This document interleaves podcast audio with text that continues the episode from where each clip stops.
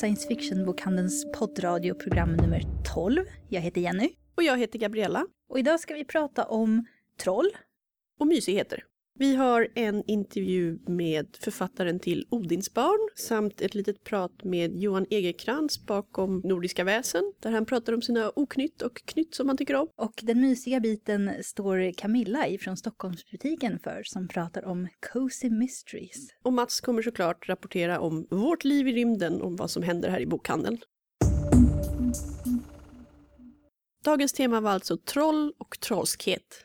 Alltså bilden av troll har ju blivit det här fula trollet under bron till exempel. Och men... John Bauers knaggliga mossbeväxta troll. Men eh, det behöver ju inte alls vara så, utan eh, troll har ju förr varit en benämning på ett gäng väsen som kan vara både vackra och fula. Och rika. Ja, som Rika troll. som troll och de eh, förföriskt sköna trollkonerna där man bara ser svanstippen peta ut under kjolen. Men det är inte så många som har använt dem på det sättet i litteratur och media, utan eh, de har varit mestadels förpassade till sagor. Och barnböcker också, mm. men det är ju en ganska flytande gräns mellan eh, våra svenska barnboksklassiker till exempel och deras trollska och magiska värld och folksagorna. Ja, på senare år har det ju kommit e- en ny våg av intresse för gammal folktro, övernaturliga väsen och så vidare. Inte minst genom den otroligt populära nordiska väsen som Egerkrans, som vi har med oss idag, har skrivit. E- även lite grann på e- skönlitteraturområdet i och med Björkelids Berättelsen om blodet, som inte främst handlar om troll, men som använder gammal folktro och likt Miyazaki gör i sina filmer, använder namn och lite runt omkring form och skapar sina egna väsen som är inspirerade utav folktron.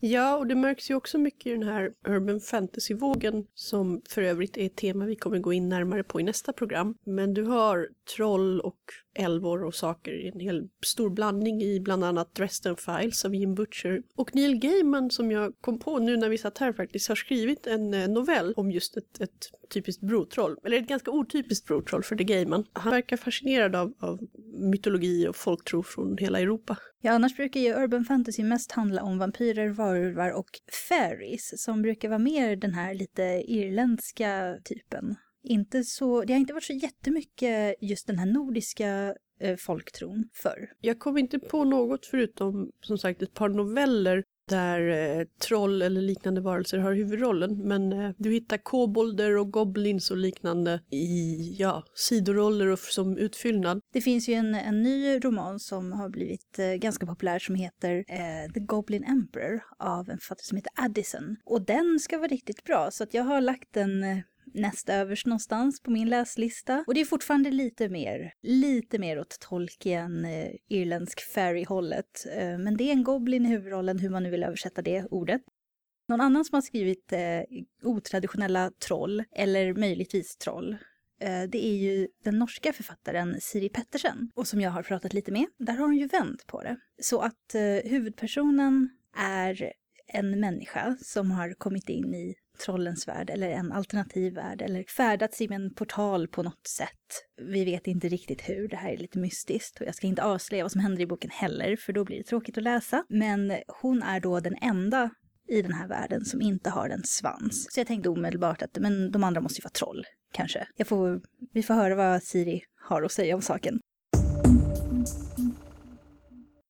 Hej Siri, välkommen till Science Fiction-bokhandeln. Tack för att du ville komma hit. Hej Jenny, tack för att jag fick komma. Säger jag på svorska. Ja, det ja. låter jättebra. Nu har ju du skrivit en jättelång bok. Tog det väldigt lång tid att skriva den också? Det tog eh, lång tid. Den låg i, i lådan, eller skuffen som det heter på norsk, i, i nästa år. Typ. Det var ju för jag jobbade ved siden av. Og, og, da ble det sånn at du skrev i helgen, og når du hadde fri, og litt nu og litt da. Og, og sånt blir det jo ikke bok av. Nærmest aldri. Nej. Så, så jag tog fri från jobbet, permission i ett par månader och koncentrerade mig om att göra den färdig. Och då blev det. Ja, men nu har jag skrivit en hel bok som sagt. Jag har inte kommit till slutet så jag Nej. vet ju inte om det blir en fortsättning eller inte. Ska det bli det? Ja, det är en trilogi, så det blir tre böcker. Det blir tre böcker. Den andra kommer ut på norsk. Den kommer ut på svenska i oktober. Ja, i år alltså Ja, ja. Roligt. Og så jobber jeg med den tredje nå, den siste. Som skal ut eh, nå til høsten, er planen i Norge.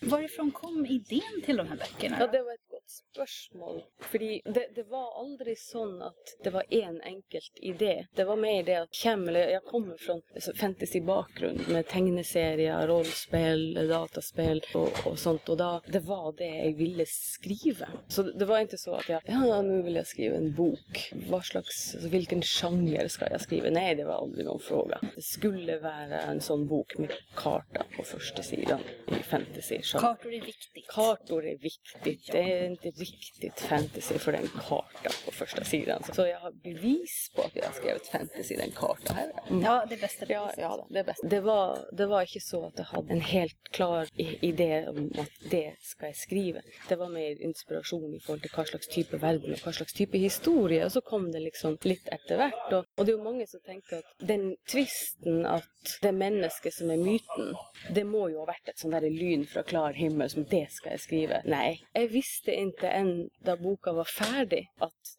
det var en grej greie. Jeg tenkte ikke over det før vi begynte å snakke med, med liksom presse og lesere og sånn. Hej! Hej! Kommer det ett fan? Yes! Det kommer et fan. Vi har, Så- vi har sett på eh, Instagram Vad tyckte man- du var bäst med boken då? att eh, tjejen, hjältinnan, hon är liksom en riktig människa. De, hon råkar inte ut för de typiska tjejfällorna i alla fantasy. Jo, men Hon ska råka ut för vissa saker, ska hända vissa saker, triangeldramor och hit och dit. Men hon, hon liksom nästan hela tiden. Och sen händer det något annat. Ja, du bryter mot mönstren Ja. väldigt mycket. Och Det är spelar kul. bort dem där. Ja. Ja, det, det, var, det var heller ikke tanken. Jeg Nei. ville jo bare skrive noe jeg ville lese. egentlig. Det, det jo ikke Jag tyckte det var roligt den här scenen när, eh, det är ganska tidigt i boken, när någon försöker slå en i huvudet med en sten.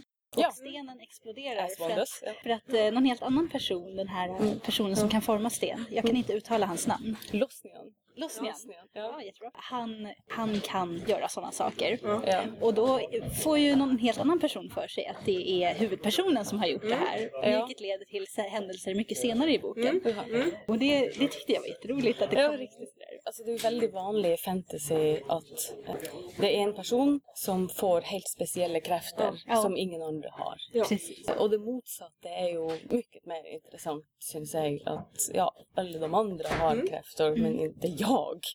Det gir mye mer rom for å bygge karakter. Da, at du, Hvordan takler du ikke ha noe som alle de andre har. Men det var heller ikke sånn at det var en sånn eh, Ja, det skal jeg skrive. Jeg visste, jeg visste ikke, visste ikke hva jeg skrev før jeg var ferdig. Men hon kan ju en massa saker. Ja, massa Ja. andra saker. Ja, hon visst kan, hon det är också kul. Hon, Ja. hon kan gå genom skogen och hon kan eh, lä- ökande örter och hon Planter. har massa grejer. Förstår folk. Ja, ja, flink till sina saker. Men det är morsomt så det du säger om, om, eh, om kvinnliga karaktärer och sånt. Jag citerade, jag snackade med en journal- journalist tidigare idag som sa det att ja, det här med starka kvinnliga karaktärer och sånt. Och de måste citera Joss Whedon. Fantastiska citat. Det är någon som har spurt han Why do you always write such strong female characters? Because you're still asking me that question. Ja, det är virkelig, virkelig bra. Ja, det är sån I love you. Är du inspirerad av eh, några specifika författare? Kanske Joss Whedon till exempel? Nej, jag slutade läsa fantasy när jag började, började skriva. Jag, jag vill inte bli inspirerad av någonting. Eller, det är två ting som kan ske då. Det ena är att du blir väldigt inspirerad, kanske utan att tänka över det och börja göra detsamma. Eller ända värre, du tänker jag kommer aldrig klara att skriva så bra. Och det, det är ju ända värre, så det är bättre att, att undgå det. Så det är en stund sedan jag begynte å lese fantasy i, igjen, da. Men nå gjør jeg jo det. Nå leser jeg jo mye, fordi at det kommer så mange tips, og du må lese. Du må. Og nå føler jeg liksom at jeg er trygg på hvor jeg skal hen, ikke sant, og vet. Så jeg kan liksom ikke utelukke eller tilføre noen ting fra, fra andre. Men, men eh, de aller fleste hadde jo den første store fantasyopplevelsen var Tolkien sin 'Ringenes herre'. Og den var jättebra, men for, for meg var det faktisk den her um, 'The Dragon Don't Share' med Ted Williams.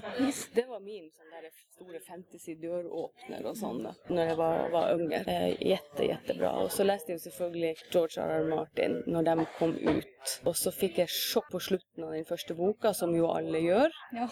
Jeg satt langt inn i bok to og venta på at han skulle komme tilbake igjen, altså, men han gjorde jo ikke det. Jeg tycker jo det er nærmest standard fantasy. Eh, Ikke sant? Bortsett fra at ok, det, det er ingen drager, ingen magiske sverd, ingen profetier, ingen eh, alver eller Precis, jag, tror, jag tror man känner, Tolkien satte ju sin prägel på alver, dvärgar och övernaturliga väsen Ja. som eh, väldigt få författare frångår. Ja, Men du gör det. Du har, tagit, du har din egen eh, vinkling på det hela och det känns väldigt uppfriskande tycker jag. Vad roligt. Ja, det er hyggelig sagt. Eh, Hjertelig.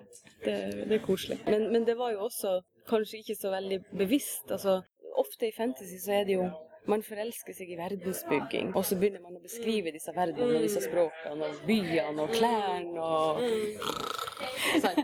Jeg ville ikke ha det så, jeg ville ha det sånn at eh, det var historien og karakterene som drev det framover. Jo, Sånn som i begynnelsen, f.eks. når um, eh, Rime kommer og drar Hirka opp av, av Aljup og prater om Ilume, som er med i rådet. Og da kunne jeg jo ha stoppa hele historien og sagt Rådet er det øverste styrende organet i landet som består av tolv mennesker som bla, bla, bla, bla. orker å lese det, liksom? Så, så jeg stoler på at folk vet at de får vite det de trenger å vite når de må vite det. Og ingen ville jo ha stoppa opp for å diskutere noe de begge to vet fra før. Sant? Så det er sånn her information dumping. Det får jeg litt hetta ut av. Så prøvd å styre unna det. da. Og, og når man å bli veldig glad i sine egne verder, verdener og sine egne karakterer, det er veldig lett drive sånn dumping. Alvene bodde der og der, og de hadde sånn og sånn kultur og trodde på det og det fordi at jeg syns det er jätteroligt å skrive så. Men ikke for noen annen grunn. Det får man stoppa in i ett Amendix eller något. Ja, og så legge inn noen sanger og sånn. Ja, så, Eller en faktabok som hör till serien som är bara allt det där. Men det bästa är ju om det kan växa fram eh, i historien och bli som i rådet att när, när det väl blir relevant så får Ja. man veta vad de gör. För då, det är då det händer saker med rådet. Ja, Och det er då du vite man. det. Ja, exakt. Det er klart at, at det kan jo frustrere mange, og jo mindre vant du er til å lese fantasy, jo mer frustrert blir du over sånn. Altså, vi tenker jo ikke over det. Vi leser ja, og så hadde du en seer og et råd. Greit, skjønner. Men, men sant, liksom, se råd Det var ei som fortalte meg Hun hadde eh, en eldre leser da, som hadde begynt å lage seg en sånn ordliste. For hun måtte liksom skrive ned rådet, mannfall for Hun var eh, ikke alls vant med at nye liksom, Det blir vanskelig, så klart. Men du hade spelat mycket tv-spel också sa du? Eh, ja, veldig tidlig, da. Altså, du starter jo som de fleste andre med Atari og sånt, og, Ja, og hadde konsoll, også. ja, Commodore 64, og Hva var det neste? Den, den som kom etter Commodore 64, som alle hadde? Amiga 500. Ja. Så alle de dårlige dataspillene, den oppveksten der. Sant? Men nå prøver jeg å styre unna dataspill, for det er så tidkrevende. Man synker helt inn i det. Jeg har et halvt år som ble borte i Myst. Jeg vet ikke hva som skjedde det halve året. Det skjedde Myst. Og så hadde jeg en sommer, eh, en sommer som ble borte i Devil May Cry på PlayStation. Og ei jul som gikk bort i Assassin's Creed på mobil. Så det er sånn, sånn blur. Du vil helst ikke Ja, så jeg prøver å la være. Ja, det är lite farligt med tv-spel på det sättet. Ja, ja, det er det. Men jeg, jeg lovde jo meg sjøl at når jeg var ferdig med denne bokserien, da skulle jeg spille gjennom alle Assassin's, Assassin's Creed-spillene på rad. Jag är stort manga och anime-fan. Jag tänka på det när jag läste. Alla namn i, i den här boken är ju väldigt gammalnordisk klingande. Ja, ja. Utom eh, hennes korv som heter Kuro, som betyder svart på japanska. Förbausende korrekt. Ja, that is true. Och jag undrar om det var med flit? Ja, Vi var medvetet. Ja, ja, ja. Ja, ja det var det. förstås. Ja. Men jeg er litt sånn japanofil, da. Ja, Sjøl, så, så det jeg, ja.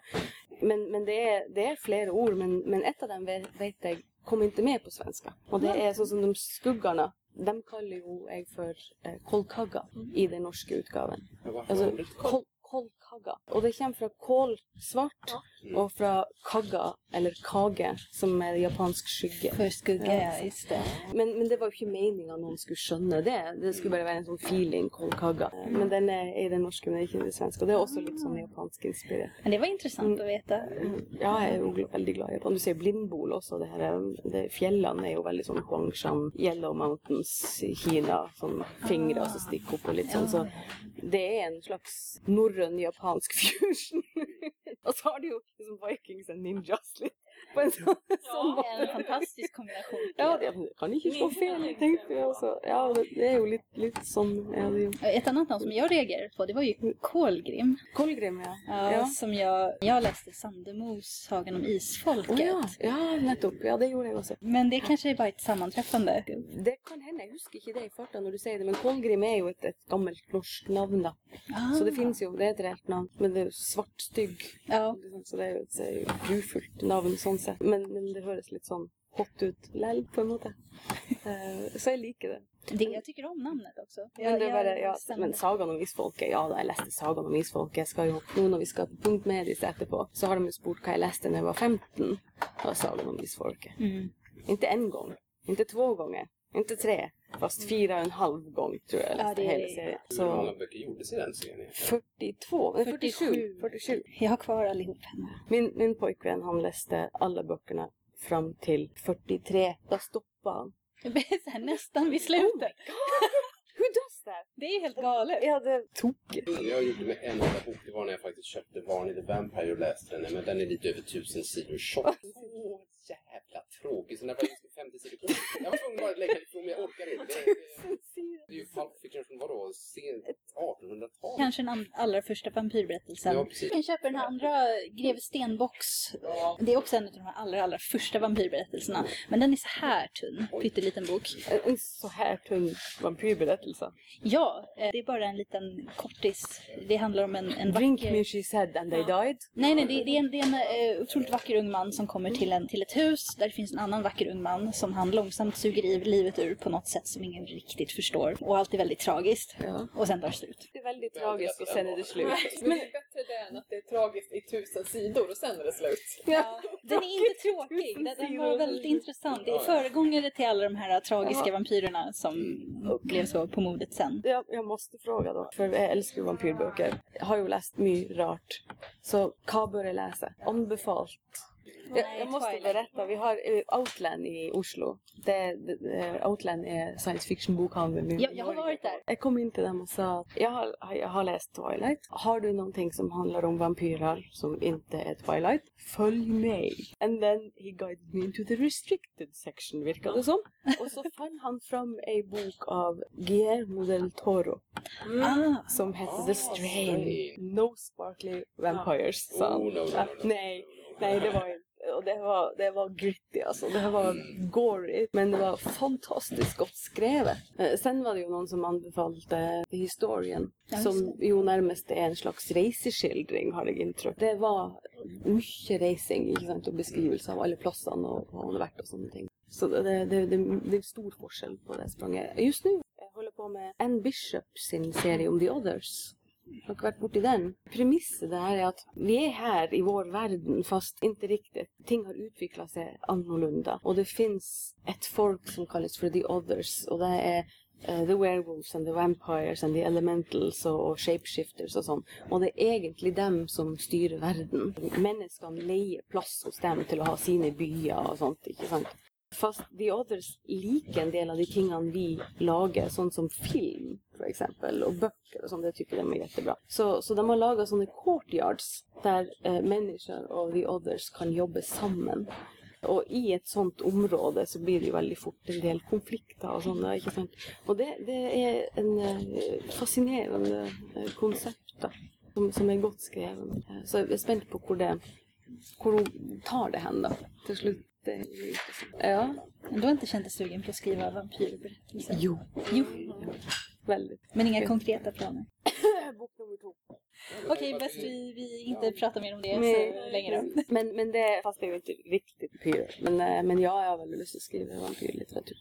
Det är ju skrivet rätt mycket, så, så där ska man ju finna en helt egen vri på det. Enten må man göra någonting som har varit gjort många gånger för bättre, eller så må man göra något helt annat. Jag trodde eh, helt, helt i starten när jag skrev Odinsbarn väldigt tidigt, eh, før det begynte å bli liksom ordentlig et bokprosjekt, så trodde jeg at det var en tegneserie, for jeg drev, drev på med tegneserier også. Men så leste jeg Blade of the Immortal, og så skjønte jeg, Siri, du er ikke i nærheten av flink nok til å tegne til at det her skal bli en tegneserie, for han var så ondskapsfullt flink lite nyfiken på hur folk kommer in på olika böcker och så. Ja. Men eh, läser man mycket ungdomsböcker Mm. så kan jag... För den är inte skriven som ungdomsfantasy från början. Eller har ni någon målgrupp? Ja, altså, jeg hadde ingen målgruppe. Jeg skrev for folk som liker fantasy. Men forlaget gir det ut som young adult crossover, og det skyldes jo at norske forlag har ikke noe tradisjon for fantasy.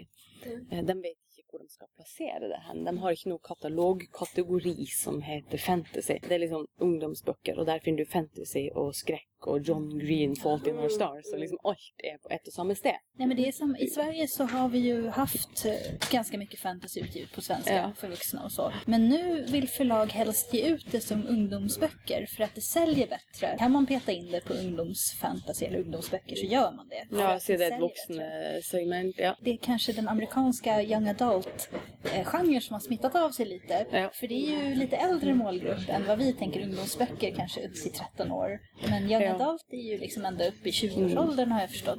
Men den är ju gitt ut som, som 14 pluss, Ja. ikke sant? Det er jo det de sier. Men, men det, altså, det kan jo skyldes små ting ofte, ikke sant? Og, og det er jo gitt ut fantasy som er fra 6 til 9 og fra 9 til 12 som jeg tycker är jättebra. Som jeg elsker å lese sjøl. Og det er så aldri det er vanskelig. Då ska jag avsluta här. Det är jättekul att prata med dig. Enda kulare att prata med dig Jenny. Tack snälla. Alltid lika intressant när det dyker upp författare som väljer att plocka ifrån andra källor än Tolkiens eh, pseudomedeltida feodalsamhälles fantastik som vi har pratat om förut. Ja, just med troll så tror jag inte det är så många som har tagit... Det förekommer ju troll i Bilbo som säkert alla är medvetna om nu. Och de har ju Tolkien i och för sig också plockat ifrån våran nordiska folktro så att eh, I och med att de blir förvandlade till sten när solen går upp ja precis, det har vi väl alla läst någon saga som barn där det hände. Ja, men som sagt, det är ganska få andra författare som använder det. Den jag kommer på främst är ju den eh, ganska nyligen bortgångne Terry Pratchett vars troll i hans tidigaste skivvärldsböcker, The Color of Magic and The Light Fantastic, har den förmågan att de förvandlas till sten mer eller mindre ofrivilligt under dagen men sedan blir de, ja, levande sten igen på natten. När vi har kommit till Ankh-Morpork igen i vaktböckerna, där eh, verkar de ha hittat en solskyddsfaktor som funkar för troll. För de kan gå runt under dagen. Ja, och där verkar de, fram, lite längre fram i serien så verkar det mest som att de blir till sten när de blir tillräckligt gamla helt enkelt och slutar röra på sig. Precis, men eh, han är ju ganska tydlig med att hans trollhjärnor är eh, datorliknande så de tidiga modellerna överhettades helt enkelt för enkelt. Precis. Men det är få andra författare, och det har ju inte Pratchett heller gjort, som eh, frångår den tolkianska ramen. Även om båda har använt troll på ett eh, ändå lite otypiskt sätt. Men sen tror jag, alltså många författare har inspirerats av Tolkien och använt troll eh, endast i hans version. För han har ju använt det en sida av troll som, som dyker upp i en sorts saga och det är de här trollen som blir förvandlade till sten. Men inte den andra aspekten då med kanske stora underjordiska samhällen. Ja, jag tror också att eh, mycket av de här influenserna har ju gått genom eh, Dungeons and Dragons och den typen av eh, rollspel och brädspel och så. Där man gärna har troll som ganska enkla hårdhudade monster. Och det finns ju även i många dataspel förekommer det troll som ibland är väldigt djuriska, ibland mer intelligenta men som NPC-fiender helt enkelt. Förmodligen för att det är en bekväm myt att plocka.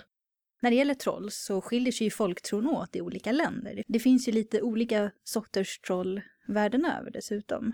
Ja, och det där är alltid intressant och ibland irriterande hur folk väljer att översätta olika saker. Det finns en något irriterande dragning mot att slå ihop allt som liknar varandra från olika länder till liksom en stor massa av, ja men det här är de fula mytvarelserna och det där är de fina och lite läskiga och det där är de vampyriska i ja, mycket urban fantasy då. Eftersom fantasyvärldar snarare bygger upp en egen version och ibland hittar man på eget namn. Men jag kommer inte på någon riktig så här episk fantasy där man har ett lika stort mångfald av ganska diffust beskrivna varelser som i en hel del urban. Förmodligen för att man måste världsbygga så mycket om du ska stoppa in typ 500 intelligenta raser. Men det är enklare när man bara är så här, ja de fanns där allihop, allting, alla religioner, bara lite gömda. Det hjälper ju inte heller att i, i våran, eller i nordisk folktro, eh, så är ju troll ett samlings, samlingsnamn på ganska många olika sorters eh, varelser. Det är lite som att säga de underjordiska.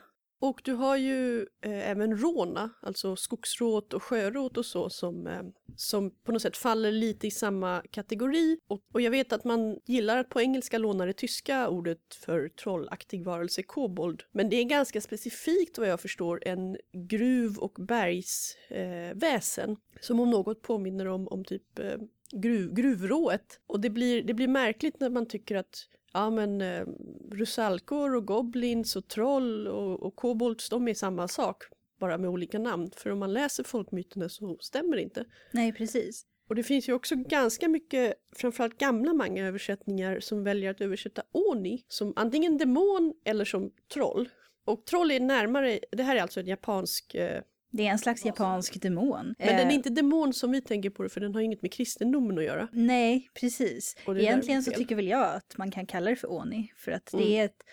Jo men jag tror att nya manga-översättningar har gjort det men Mm. den mest tror jag kända är väl, är väl Lum Urusei Yatsura, den gamla mangan av Rumiko Takahashi där du har alltså en herrans massa varelser från Japans folktro, popkultur, skräpkultur och lite allt annat. Och huvudpersonen är en misslyckad människa som blir ihop med en elektrifierad alien. Men hon är nämligen en Oni-alien och hon har på sig det här tigerskinnet fast som bikini och har små horn och allt. Och det, hur det skulle översättas, det var jättemycket gräl när den kom ut. Ja, annars dräller ju manga och anime av Oni. Överallt bara finns de. Of- ofta när det är anime eller manga som utspelar sig till hälften i, i den andra världen. Nu tänker jag ju först på den här gamla Togashi-mangan, Yu Yu Hakusho. Ja, han har ju även skrivit den nya Hunter Hunter som handlar om helt andra saker. Eh, men i Yu Yu Hakusho så handlar det om en, om en ung kille som blir mer eller mindre ovilligt eh, indragen i eh, den andra världens angelägenheter och eh,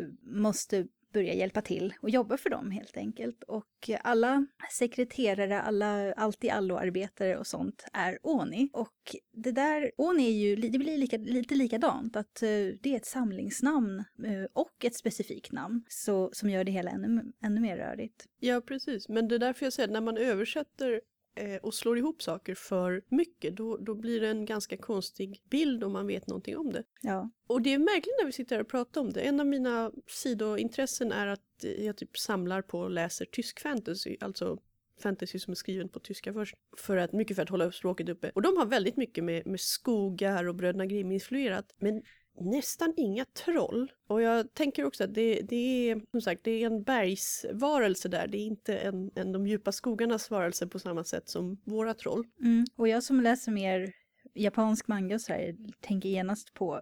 En rolig likhet är faktiskt eh, den japanska kitsune-varelsen. Alltså kitsune betyder egentligen bara räv, men om man skriver det med specifika kanji så kan man även kalla det för en yoko. Och det är alltså en slags eh, övernaturlig rävväsen som alltså kan förvandla sig till en otroligt vacker kvinna med rävsvans. Också ibland med rävöron visserligen, det är lite oklart vilket. Som tycker om att lura människor. Och jag tänker ju genast på huldran eller skogsrået. Det är i stort sett samma. Jag tror beskrivningen är till och med samma i, i någon av våra monster och, och varelseböcker som vi har. Ja, den internationella som är skriven av Kristoffer Gustafsson som heter Monster och vidunder. Precis, att det sticker ut en svanstipp under kimonon. Precis. Eh, men annars så, i japanskan så använder man ju samlingsnamn på väsen på ett sätt som kanske är lite ovanligt i andra länder. De säger ju yokai eller ayakashi möjligen. Och vi, vi har ju länge använt, eller förr framförallt, så har vi ju använt troll eller de underjordiska. Och det har varit lite alver och tomtar och vättar och, och troll som inte är samlingsnamn utan just troll. Det har ju också mycket att göra med det här att man inte ska nämna saker vid sitt rätta namn när man talar om trollen så att säga. Då kommer de att knacka på. Och det är därför många, både farliga djur, jag läste och jag vet inte om det är sant men det var en intressant teori i alla fall att våra namn på björn och ulv är båda eh, täcknamn för vad det hette förut. Alltså om man går långt, långt tillbaks i fornnordiskan så man så kallar ju i historisk tid så att säga kallades björnen för nalle och farbror och sådär. Gammeltass har jag hört också. Ja, Men att björn började som ett sånt namn så för att dölja ett annat ord som nu har helt försvunnit för ingen skrev någonsin ner det. Och det är lite det är intressant att tänka på hur det blir när, man, när språket förändras och, och man ser hur, hur nära sagoväsen och ja, liksom det främmande som fanns i skogen som vi tycker på den verkliga världen stod i, under historien. Precis. Och någon som är helt fantastisk på alla våra sagoväsen är Johan Egerkrans. Ja, som Lilly har pratat med. Jag sitter här med Johan Egerkrans som har skrivit Nordiska väsen. Hej! Hej hej. Och även någon form av specialist på oknytt och så, eller? Troll, troll, Troll. kunskap, Troll- trollkunskaps- trollkunskapslärare. Är det ja, så? Nej, det, det är jag verkligen inte. Okej. Nej, specialist skulle jag inte vilja säga. Vad skulle du kalla dig då? Jag skulle kalla mig monstertecknare, eller illustratör bara. Men har jag ju skrivit en bok om nordiska väsen. Och jag kan väl mer än mannen på gatan. Men sen finns det ju folk som ändå doktorerar i sånt här. Så jag menar, jämfört Det gör med det? dem är jag ju Ja, Coolt. Så jag är ju inte folklorist på Nej. något sätt. Jag har ingen universitetsutbildning i det. Så jag är glad amatör. Men jag kan ju mer om troll än mannen på gatan helt enkelt. Vanligtvis är det väl så här mor och farföräldrar som brukar sitta inne på den typen av kunskap. Eh, Ja, eller någon gammal gumma i någon stuga ute i skogen någonstans. Ja, Min mormor berättade väldigt mycket sagor för Ja. mig när jag var liten. Hade koll på massa saker. Ja, och hade sett saker också. Nej, eller? det hade hon Nej? inte. Men hon visste tillräckligt för att ge mig mardrömmar. Ja, sådär. ja, ja. ja det är... Nej, men alltså, det är ju när man... Jag har varit ute med boken nu, liksom inte land och rike runt, men varit ute på signeringar och sånt där. Så det Mm. kommer ju ganska ofta fram folk som antingen då har någon gammal faster eller mormor eller farfar som sett saker. Eller så har de sett saker själva. Mm. Eller så vid något tillfälle så var det någon kvinna som talade om för mig att alla bilder i boken kom från trollen och de som skickade bilderna till mig. Okej. så jag var ju knappt delaktig i själva tillverkningen av boken. Och det var väldigt intressant att höra. Det hade jag ingen aning om. Var det så här lite tillrättavisande då eller? Nej, men hon bara förklarade det sådär Ja. lite grann som på hippisvis. Ja. Liksom som bara, ja men du vet väl att det, nej men det är astralkraften som verkar genom dig, den verkar genom alla. Eller något sånt där. Jag menar det var lite den stilen. Så det var ju bara självklart att det var de som hade skickat det till mig. Ja. Min konstnärliga integritet var, var, var inte vatten värd. Ja. det, var, intressant. Hur är det annars? Hur mycket tror du på? Ehm, nej, Nej. det gör jag inte. Men jag är väldigt fascinerad av tron på naturreligioner överhuvudtaget. Folktron. Det finns någon, om man säger folktro kontra religion, så tycker jag att folktro är väldigt intressant. Den här tron på de små tingens gudar, så att säga. Den här tron, alltså tron på, det är ju en slags andetro, skulle man kunna säga, på förfäders andar och små lokusandar. Det är inte guden över hela världen, utan det är guden för den här lilla stenen, guden för den här pinnen, guden för det här trädet, och guden för liksom små lokala gudomar eller vad man ska säga. Det känns som det finns något väldigt ursprungligt. De är ju mer en personifiering av naturen på ett helt annat sätt. Och det finns något ganska vettigt i det synsättet om man inte vet något annat. Svårt att förklara, men det finns något. It makes sense på något sätt. Men, men det betyder kanske inte att jag tror på troll. Hur är de nordiska trollen då? Det beror ju på vad man menar. Den bilden av ett troll som vi får i huvudet nu när man säger ordet troll är ju John Bauer-troll. Som ju jag har ritat några stycken i boken också. Boken är, den nordiska väsen är jätteinspirerad av John Bauer, det är inget snack om det. Men däremot, de trollen man trodde på i förr i tiden, som vi brukar kalla det, men i det gamla bondesamhället, när det var liksom väldigt allmänt spritt. De trollen var väl mer lika vad vi skulle kalla alver idag. Något i den stilen. Alltså de var mycket mer ett folk som var ganska lika människor fast de bodde i stenhögar och i berg och, och i den här andra världen sätt. I Fairy eller Beyond the Veil eller vad man nu ska kalla det. De bodde liksom i våran värld fast lite grann 45 grader åt höger på något sätt. eller åt vänster. Annan dimension. Eh, ja, men liksom halva foten är en annan dimension i alla fall. Men var mycket mer människolika än de här stora, drumliga, klumpiga stentrollen. Det är liksom den bilden man får i huvudet när man säger ordet troll. De var ju ofta väldigt vackra eftersom de kunde ju trolla. Det var ju därifrån ordet kom. De kunde ju se ut hur de ville. De kunde ju förställa sig. Så de antingen kunde se ut som en stubbe eller rotvälta eller trägren eller sten. Men också se ut som en jättevacker man eller kvinna i fina kläder. Vad hade de för kontakt med människorna? Vad gjorde de? de hade kontakt med människorna på olika sätt. Ibland hade de god kontakt med människorna. Ibland stod de på vänlig fot och då lånade de grytor av varandra och lånade bröd av varandra.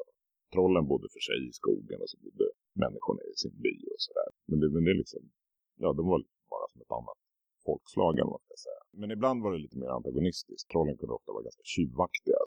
Smög in med sina osynlighetshattar på gästabud och sådär och snodde mat. Det var bra sätt att förklara att maten tog slut innan alla gäster hade fått mat. Och har trollen varit här igen. trollen. Ja, nej. Det är inte bara så att du är snål. Men nej, nej, nej. Nej, men så de, alla oknytt och väsen, men ofta då troll, var ju ett sätt att förklara att saker försvann. Eller varför mjölken blivit sur. Det kunde vara sådana små saker också. Det var inte så här, vart tog hästen vägen eller var är mitt barn? Utan det var, De tjuvade ju bort barn också då. Det är ju, hände ju då, bergtagna och bortbytingar. Mm. Och bortbytingar var ju ett sätt att tyvärr förklara missbildade barn. var det så att de var utbytta då eller? Ja, bortbytingar var ju då att trollen, av någon anledning så ville trollen ha människobarn. I det gamla jordbrukssamhället så funderade man inte så mycket på varför de skulle ha människobarn. De gick inte och filosoferade så mycket över det, utan det bara var så. Barn var ju väldigt utsatta, framförallt innan de döptes. Det var inte bara troll, utan det var älvor tyckte till exempel om att byta små barn. Men eh, en bockbyting var, de snodde helt enkelt spädbarnet ur, ur vaggan eller krubban och så lämnade de dit ett trollbarn i utbyte eller ett vuxet troll som bara hade förvandlat sig och se ut som ett barn.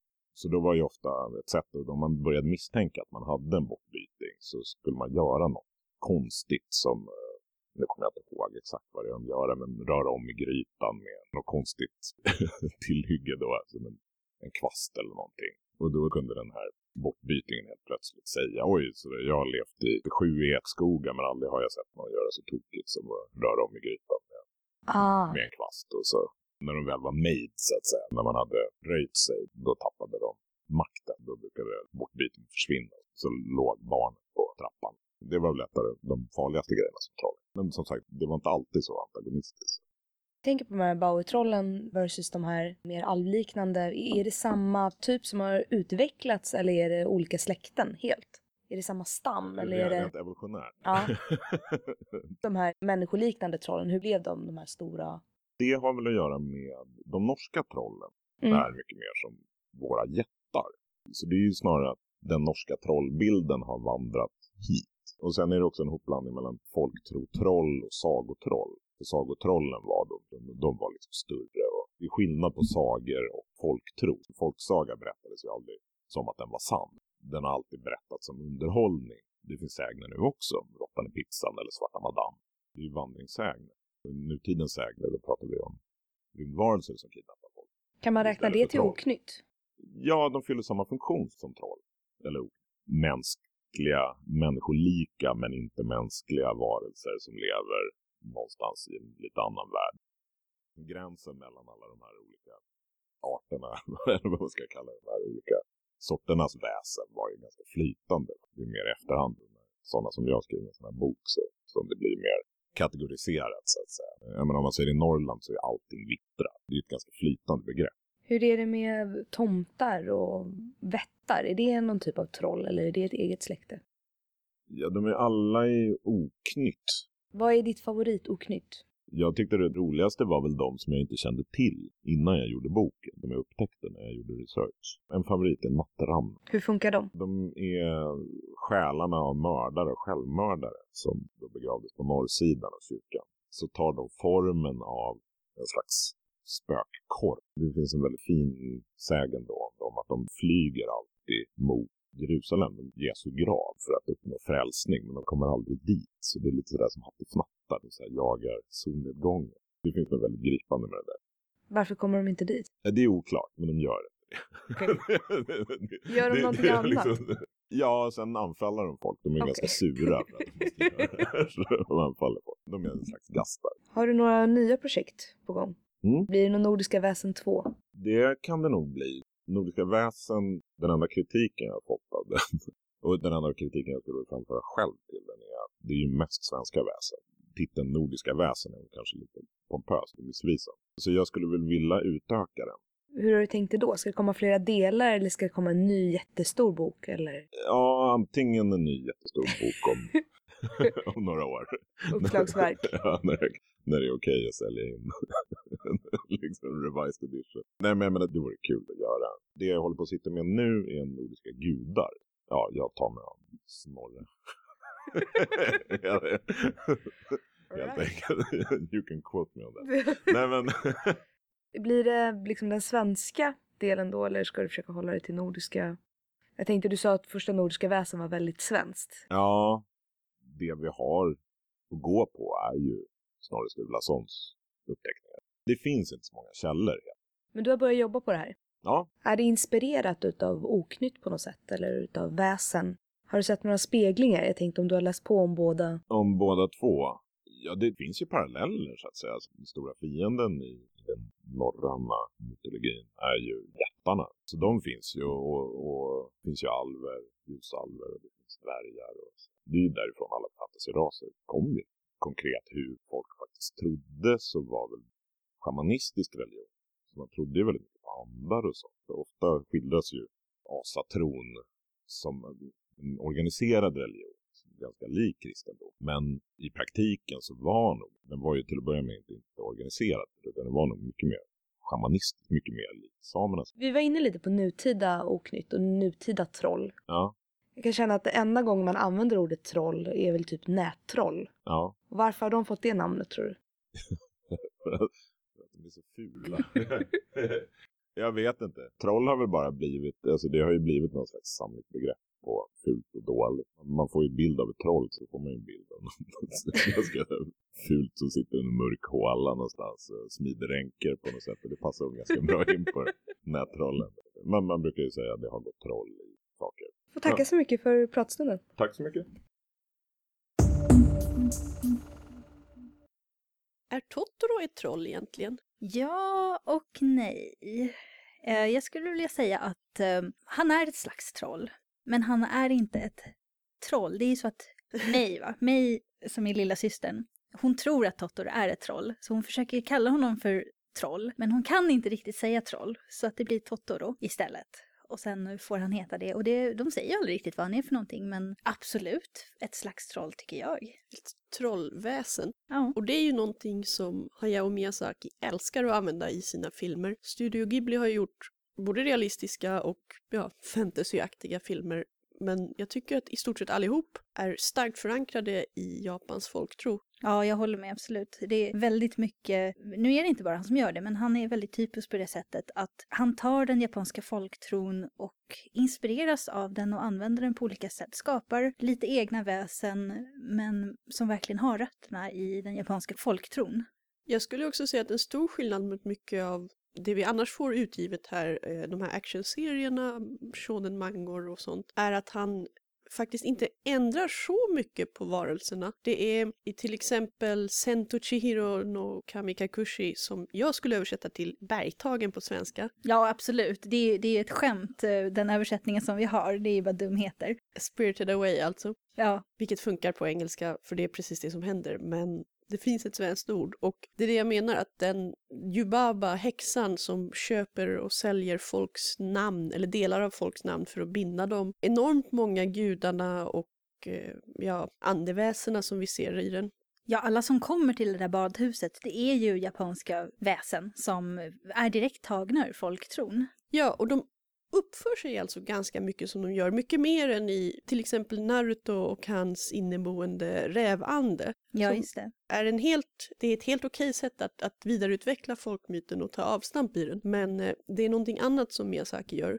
Miyazaki, han, han, eh, är ju, han älskar ju att gå tillbaka till eh, både mycket landsbygden men också eh, försöka hitta någonting grundläggande och någonting, han, han älskar ju naturen också. Han tycker om att gå djupt ner i naturen och där, alltså folktroväsena oftast, där man hittar dem. Precis. En av de senaste filmerna från Ghibli är ju Prinsessan Kaguya som är en, baserad på en japansk folksaga om en prinsessa som hittas i ett bamburör. Ja, och Prinsessan Kaguya är också en av de kändaste kabuki-pjäserna som finns, ifall någon är Ja. intresserad av att kolla på det. Är det därför de har valt den här lite ovanliga tecknarstilen? Den är ganska, det påminner ju om tuschteckningar och så. Ja, jag tror att det spelar in. Men eh, i alla fall, den är väldigt fin stämning som alltid och också intressant hur den behandlar den här eh, folkmyten. Och vi har den på svensk bio, så gå och stöd så vi får lite mer anime. Ja, och jag ser fram emot att se den på, på bio. Det är alltid kul att se när det kommer upp på bioduken. Det gör ju inte det så ofta tyvärr. Men eh, folk har ju kallat eh, Hayao Miyazaki för Japans Disney, vilket jag tycker är struntprat, för att han är ju helt klart Japans Astrid Lindgren. Bara det att Astrid Lindgren var lite friare med att hitta på egna naturväsen. Ja, och hon har ju också, hon tog ju många ändå som hon växte upp med. För det är ju en annan aspekt av alla olika folktroväsen är att det kan skilja sig väldigt, väldigt mycket från område till område. En by kan ha sin eh, lokala historia och, och namn på saker som man inte känner till någon annanstans. Och det, så har det ju varit i Sverige också, vilket tyvärr har försvunnit mycket mer än i Japan, där det fortfarande är väldigt levande. Antagligen för att shinto och buddhismen fick leva sida vid sida medan kristendomen gick in för att utrota gamla folktro och myter. De skriver också om, om ungefär samma tidsperiod. Astrid Lindgren eh, skriver ju mycket inom den eh, gamla svenska fäbodkulturens ramar och jag skulle vilja säga att eh, Hayao Miyazaki gör detsamma i den japanska motsvarigheten. Även om de föddes med ganska många års mellanrum så är det mycket samma känsla i det de skriver.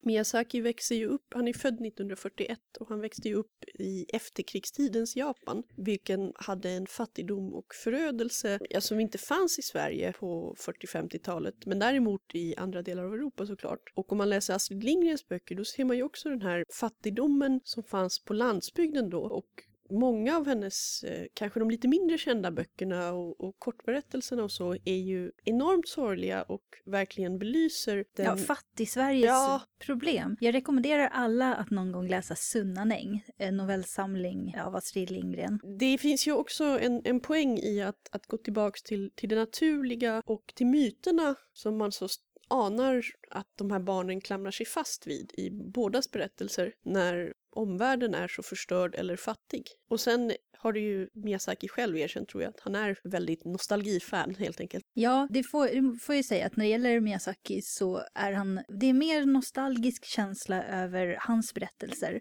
Astrid Lindgren känns mer som hon skriver om någonting som utspelar sig i nuet och det kan vara väldigt svårt. Det är inte något nostalgiskt skimmer ofta över det hon skriver utan det kan vara väldigt hårda förhållanden. Men att huvudpersonerna hittar sin inre styrka och lyckas ta sig vidare eller klara av saker och ting.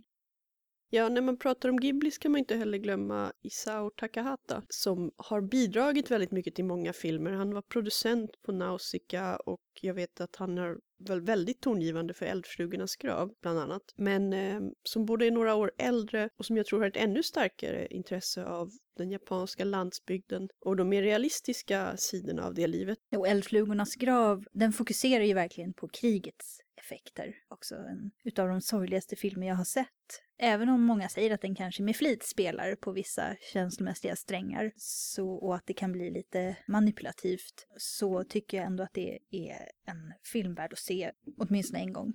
Men man brukar inte vilja se den igen. På tal om eh, andeväsen och så från Japan måste jag bara nämna att vi har ju Mangan Kitaro av Shigeru Mizuki som är en jätteklassiker i Japan där den kallas Gegege no Kitaro. Den är baserad på författarens eh, mormor eller farmors berättelser om ja, vidskepelse och spöken och andarväsen och allting som fanns. Demo demonen som följer dig på den mörka vägen hem och om du inte så här spottar över axeln eller något så kommer den ta dig. Kattdemoner och väldigt mycket annat.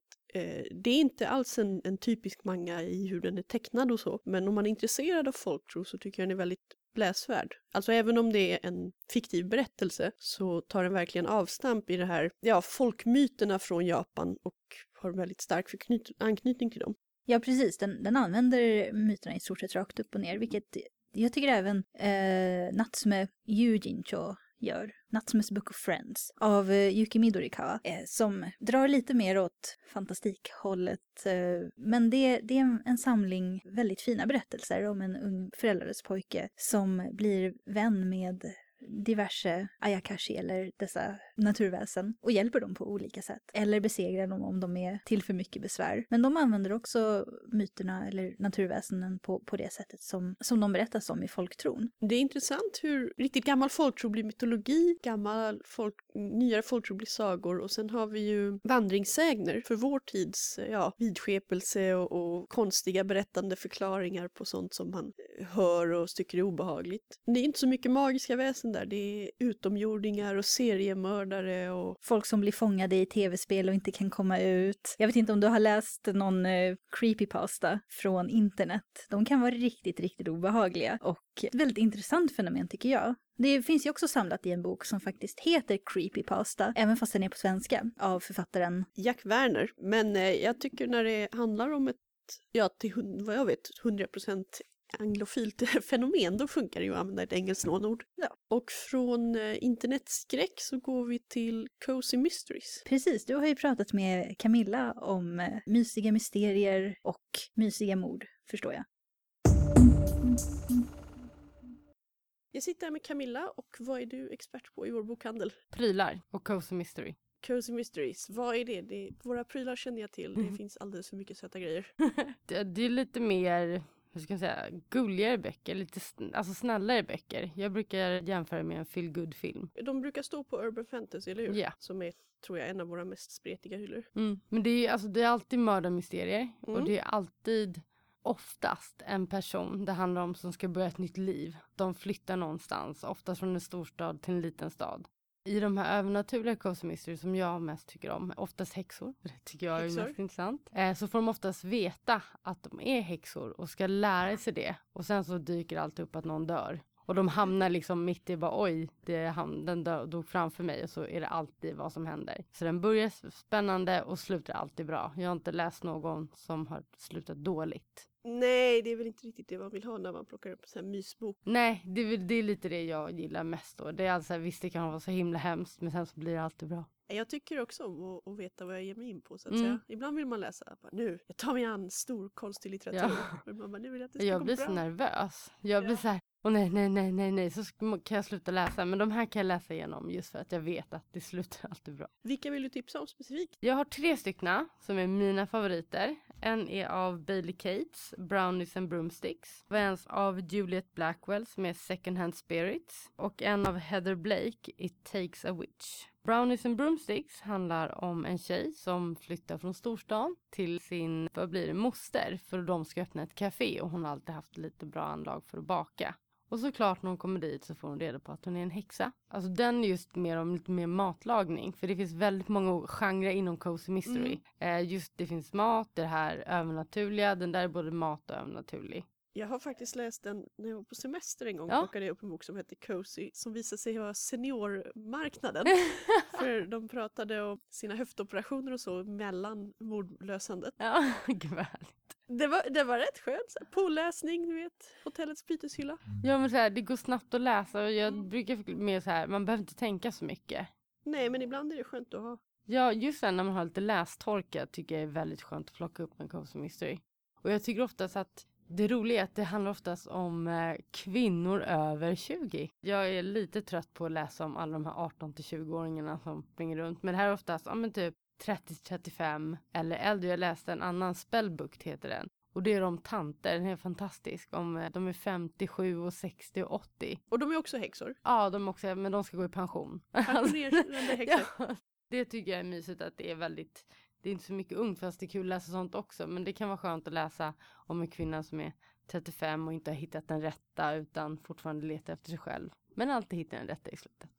Så den är jättebra. Sen den här It takes a witch. Hon är också att hon har fått reda på att hon är en häxa men hon, upp, hon ger önskningar. Hon bor också med, en, eh, med sin syster och sin släkting och driver ett önskeföretag. För att det finns fem delar. Och där är alltid någon, alltså man, man tror att man skulle bli trött på att det är alltid någon som dör och de ska reda på vem det är. Men det Nej. är alltid spännande. Man vet såhär, när kommer dö? Okej, så är det bara att ta reda på vem det var. Juliet Blackwell då, Second Hand Spirits, jättebra. Det är nog min favorit. För hon har hand om vintagekläder. Bor i San Francisco, är lite mer så här hippie del. Hon var ensam och hade inte så mycket vänner. Och, men nu har hon så här fått en stabil bas och vänner och hennes butik går bra. Och det är lite triangeldrama.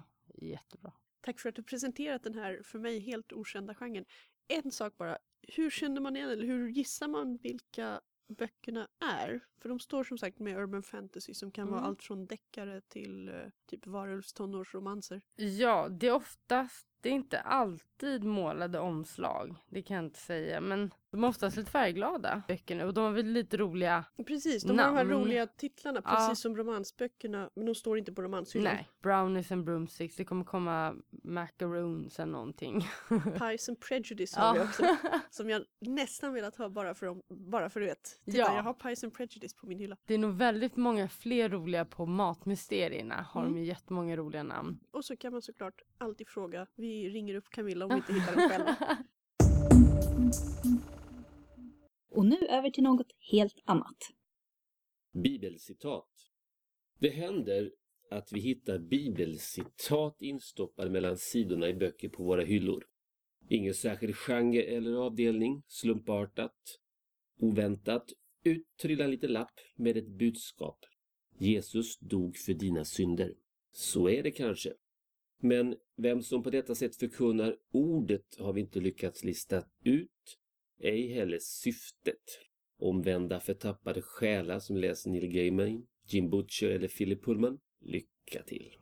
Kanske saknar citatförkunnaren Bibeln i SF-bokhandelns sortiment och bestämt sig för att göra något åt det. Och det stämmer. Vi säljer inte Bibeln, inte Koranen heller, och inte Mormons bok och inte Bhagavad Gita eller någon annan religiös urkund.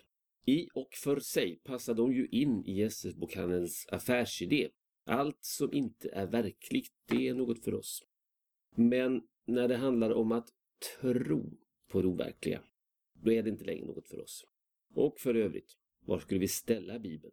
På hyllan för mytologi tillsammans med American Indian Myths and Legends och Gods and Heroes of Ancient Greece. Eller på fantasy. Underavdelning antologier tillsammans med Fairy Tales eller Stories of the Grim and the Gruesome eller Zombies vs Unicorns. Eller kanske ute på hyllan under bokstaven G som i Gud. Må hända bättre att inte ställa ut Bibeln alls. Ibland i kassan får jag frågan Har ni, dämpad röst, snabba blickar runt omkring, The Satanic Bible? Nej, av samma skäl som ovan. Tro gärna på Satan om du vill, men hos oss hör han inte hemma. Jag har för övrigt försökt läsa Satans bibel, men inte var det mycket Satan i den. Mest tänk på dig själv och skit i andra. Hemma hör han en bra bit ut på högerkanten och dessutom tråkig som fan. Ursäkta. Att läsa. Kanske dog Jesus för våra synder. En gång i tiden, när jag var en liten gosse med Jesus i mitt hjärta och med glädje styrde stegen mot söndagsskolan var jag övertygad om den saken.